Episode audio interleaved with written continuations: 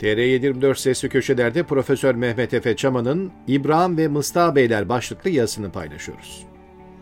Karagüller'in İbrahim denen insan evladı Türkiye'nin süper güç olduğunu söylemiş. O dediyse muhakkak doğrudur. Gülmeyin, İbrahim'den iyi mi bileceksiniz? Başka bir insan evladı Şen Toplar'ın Mıstığa da Recep Embesi'ni Nobel'e Barış Ödülü kategorisinden aday göstermiş. Yok, cidden Zaytun haberi değil. Ben de ilk rast geldiğimde öyle sandım. Son Recep İvedik'ten bir replik diye de düşündümdü, değilmiş. Çünkü çok bir sürreal geldi. Sonra kendime kızdım. Neden olmasın be? Fazlası var, eksiği yok. Hatta bence Türkiye süper güçten öte bir şeydir. Mega güçtür. Erdoğan da Nobel'den çok daha iyilerine layıktır. Ne süper güç olmak Türkiye'yi ne de Nobel'e aday olmak Erdoğan'ı kesebilir. Erdoğan'ın çok daha iyi yerlere geleceğini düşünüyorum. Önü açık. Kariyerinin daha başında sayılır. Yapacak çok iş var. Türkiye ise nice süper gücü ve büyük gücü geride bıraktı. Sonra daha geçen yıl doğalgaz çıktı diye hatırlıyorum. Zaten yakında Lozan Anlaşması'nın son kullanma süresi de doluyor. Artık Güneydoğu Anadolu'daki zorla üzerine beton döktürülen petrol kuyuları da açılır. Ayrıca insansız jet uçağı deneme uçuşunda dikkate alın derim. Bir de elektrikli araba. Bakmayın birileri uçağın jet motoru Ukrayna'dan alınmış, elektrikli arabada İtalya'da yapılıyormuş falan diye suyu bulandırmaya çalışan hainlere siz. Bunlar kıskanıyorlar güzel ülkemizi. İstanbul Havalimanı'nın kompleksleri falan da hesaba katılmalı. Almanlar kıskanıyor Türkiye'yi. Erdoğan'ın Katar'dan para dilenmesi falan da gerçek dışı haberler. Bu arada Real Madrid Erdoğan'a stoperlik teklif etmiş. Erdoğan nazikçe reislik gibi mesuliyeti olan bir işim var. Ayrıca kupon arazi meseleleri de çok vaktimi alıyor diyerekten teklifi reddetmiş. Ama Nobel konusu riyaset meselesine olumsuz sirayet edecek bir şey değil. Fevkalade olur Nobel Barış Ödülünü alırsa. Gerçi bence Salt Barış Ödülü kategorisi de eksik ve hatta yaralayıcı olur. Bence yanında Nobel Ekonomi Ödülü de verilmeli. Ne de olsa faiz, enflasyon, devalüasyon arası korelasyonları izahatta ciddi manada dünya literatürüne katkılarda bulundu. Nazariye alanında tabii ama uygulamada da sonuçlar almasını büyük bir heyecanla bekliyoruz. Bazılarının şimdi Türkiye'nin süper güç olması gerçeğiyle sevgili reis beyefendinin Nobel Barış Ödülü'ne aday gösterilmesini neden aynı yazıda ele aldın diye eleştireceklerini düşünüyorum.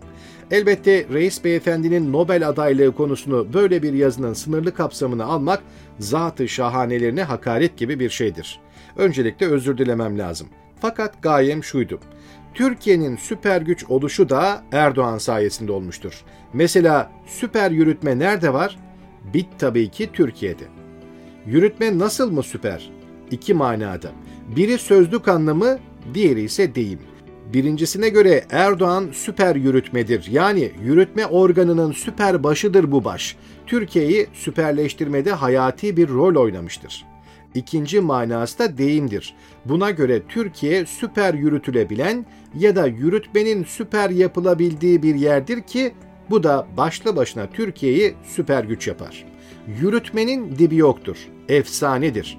Erdoğan olmasaydı bu olabilir miydi? Nobel Komitesi'ne bu konuda gerekli açıklamaların yapılacağına eminim. Şentop ve Karagül Beyler eminim bu işe bir el atarlar. Ben Erdoğan'ın Türkiye'de açık kalp ve beyin ameliyatlarına girmesini, Cumhurbaşkanlığı uçağını kullanmasını, SAT komandolarını komuta ettiği sırada X komşu ülkenin bir adasını fethetmesini, Türk lirasına kafasının suretinin basılmasını, adına hutbe okutulmasını falan da beklerim. Ama bunları benim teklif etmem yakışık almaz. Buradan Şentop ve Karagül Beyleri hatırlatmış olayım. Onların dilleri yüksek devirlidir. Yani dilleri kuvvetlidir. Kendilerini iyi ifade ederler manasında söylüyorum yanlış anlaşılmasın. Türkiye'nin süper güç olması durumunu uluslararası giriş ders kitaplarına da eklemek lazımdır. Sonuçta dünyaya nizam veren bir ülkeden bahsediyoruz.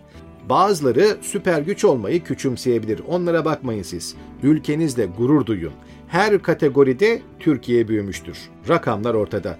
Dünya Özgürlükler sıralamasında Türkiye'nin aldığı puan 157. Mesela İsveç, Norveç ve Finlandiya'ya sadece bir puan vermişler düşünebiliyor musunuz? Kanada'nın puanı 2, yuh be yuh.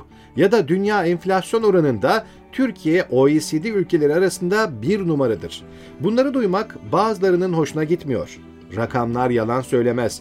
Hesabı kuvvetli olmayanlar için açıklayayım. 157 nicelik olarak 1 veya 2'den büyüktür. E, dünyada 5'ten büyüktür. Ey Amerika, ey Almanya, ey Çin, ey Avrupa Birliği ve ey faiz lobisi. Bu ezanları susturamayacaksınız. Dik duran uzun adama diz çöktüremeyeceksiniz. Duşa kabinoğulları milli marşını külliyede dindiremeyeceksiniz. Bornozlu hamam tella kamuflajlı mehteran erlerinin alalım düşmandan eski yerlerin naralarını engelleyemeyeceksiniz. Bunları not ettikten sonra biraz da gelecek projeksiyonu yapalım. Var mısınız? En büyük dertleri ve tasaları Milli Uzay Programı ve bu çerçevede kat edilen mesafedir. Gökyüzüne bak, ayı gör ya da gökyüzüne bak, ayı gör. Türkonotlar, Gökmenler, Göktürkler ne niceleri var. Bunlar aya sert iniş yapacak Ay çöreği bir aracının kahraman silah arkadaşlarıdır.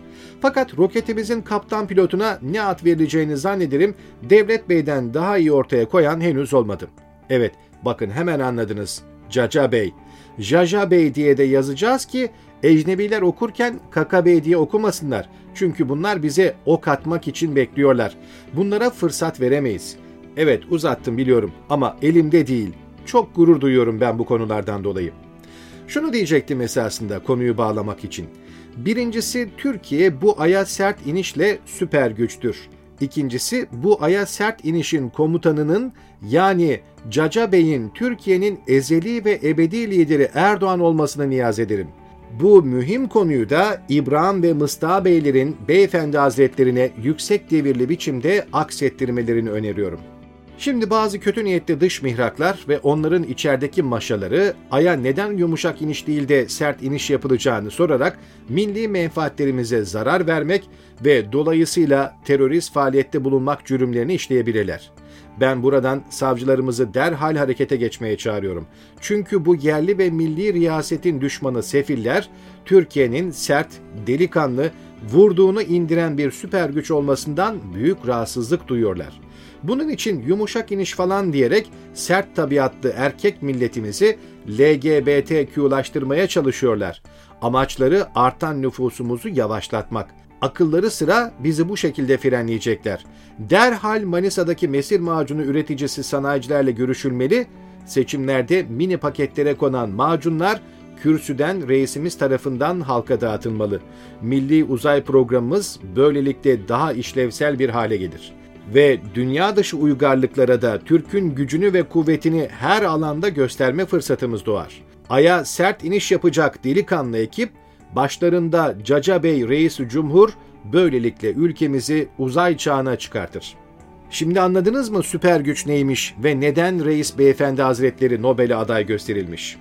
Ben bu vesileyle yüksek devirli İbrahim ve Mustafa beyefendilere de selam ve saygılarımı iletiyorum.